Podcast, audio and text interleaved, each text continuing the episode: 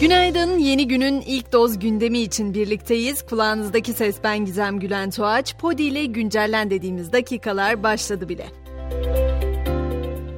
Dün akşam tüm teknoloji meraklılarının yakından takip ettiği bir etkinlik vardı. Apple, Amerika Birleşik Devletleri'nde düzenlediği etkinliğinde yeni işletim sistemlerini, Mac modellerini ve merakla beklenen yeni karma gerçeklik gözlüğü Vision Pro'yu tanıttı. Apple CEO'su Cook'un açılış konuşmasında geleceğin ürünü ve ilk giyilebilir bilgisayar olarak anlattığı gözlük hem sanal hem de artırılmış gerçeklik deneyimi sunacak.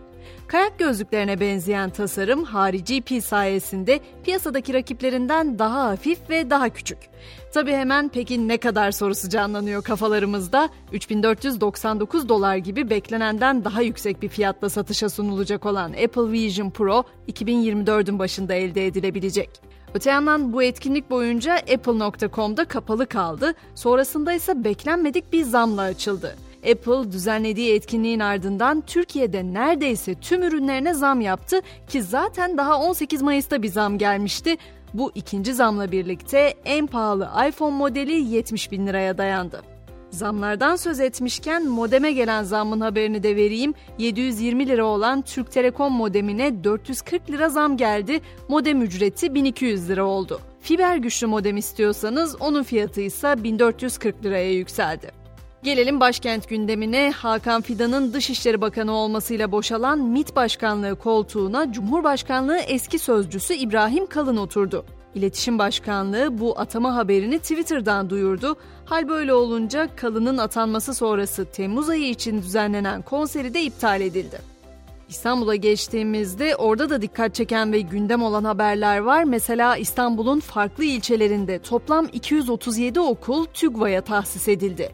TÜGVA devlet okullarında yaz boyunca dini eğitimler düzenleyebilecek. Öte yandan yine İstanbul'da 2014'te kullanılmaya başlanan ve Türkiye'de 5 milyon kullanıcı tarafından hizmet alınan Uber, Türkiye'deki taksiciler tarafından dava edilmişti. Yargıtay 11. Hukuk Dairesi Uber'e erişimin engellenmesi ve firmanın Türkiye'den men edilmesine yönelik verilen kararın onanmasına hükmetti. Bir de vefatın haberi var hemen onu da aktarayım. Kanto Kraliçesi Nurhan Damcıoğlu kalp yetmezliği nedeniyle hayatını kaybetti. 2010 yılından beri İzmir'de yaşayan Damcıoğlu 82 yaşındaydı. Peki biz bunları konuşurken dünyada neler olup bitiyor? ABD'nin başkenti Washington DC'de önceki gün duyulan büyük bir patlama sesi paniğe yol açmıştı. O sesin Washington yakınlarında uçuşa yasak bölgeyi kullanan ve F-16 uçaklarının engellemesi sonucu düşen uçağa ait olduğu anlaşıldı. Uçağın enkazının ise Delaware eyaletine taşınarak uzun bir incelemeye tabi tutulacağı belirtildi.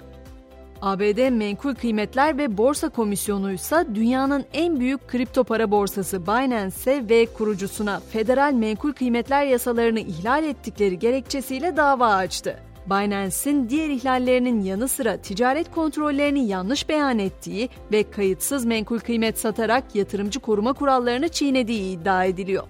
Amerika'da olan bitenler sadece bununla sınırlı değil, Hollywood senaristleri de 15 yıl aradan sonra biliyorsunuz bir greve gitti. İşte Jennifer Lopez'in yeni filmi Unstoppable'da Hollywood senaristlerinin bu grevine takıldı. Filmde ABD'nin Arizona eyaletinde bir ulusal şampiyonayı kazanan tek ayaklı Amerikalı güreşçi Anthony Robles'ın hikayesi anlatılıyor. Dünyadaki yolculuğumuza Afganistan'la devam edeceğiz. Taliban yönetimi yasaklarına bir yenisini daha ekledi ama bugüne kadar kadınlara yönelik yasaklar getiren örgüt bu kez erkeklere bir yasak getirdi. O da tıraş yasağı. Sakal bırakmak istemeyenler kadar berberler de bu karara tepki gösterdi. Bilim dünyasına geçtiğimizde Oxford Üniversitesi'nde yapılan bir çalışmayla yolumuz İngiltere'ye düşüyor. Bu çalışmaya göre ayrı odalarda uyuyan çiftlerin daha mutlu olduğu öne sürülüyor.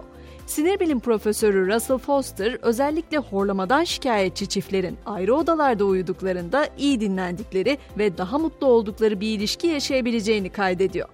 Son olarak da bir rekorun haberi var. Yaşayan en uzun dilli köpek rekorunun sahibi Amerika'nın Louisiana eyaletinde yaşayan Zooey oldu. Guinness Dünya Rekorları Labrador ve Alman kurdu kırması köpeğin dilinin tam 12,7 santimetre uzunluğunda olduğunu açıkladı.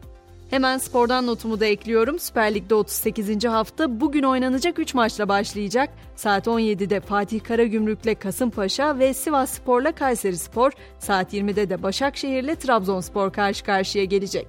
Ve güncelleni noktalarken bu sabah mottomuz Maxim Gorki'den geliyor. Emek keyif veriyorsa yaşam da güzeldir ama emek zorunluluk olmuşsa yaşam esarete döner. Akşam 18'de tekrar görüşünceye kadar şimdilik hoşçakalın.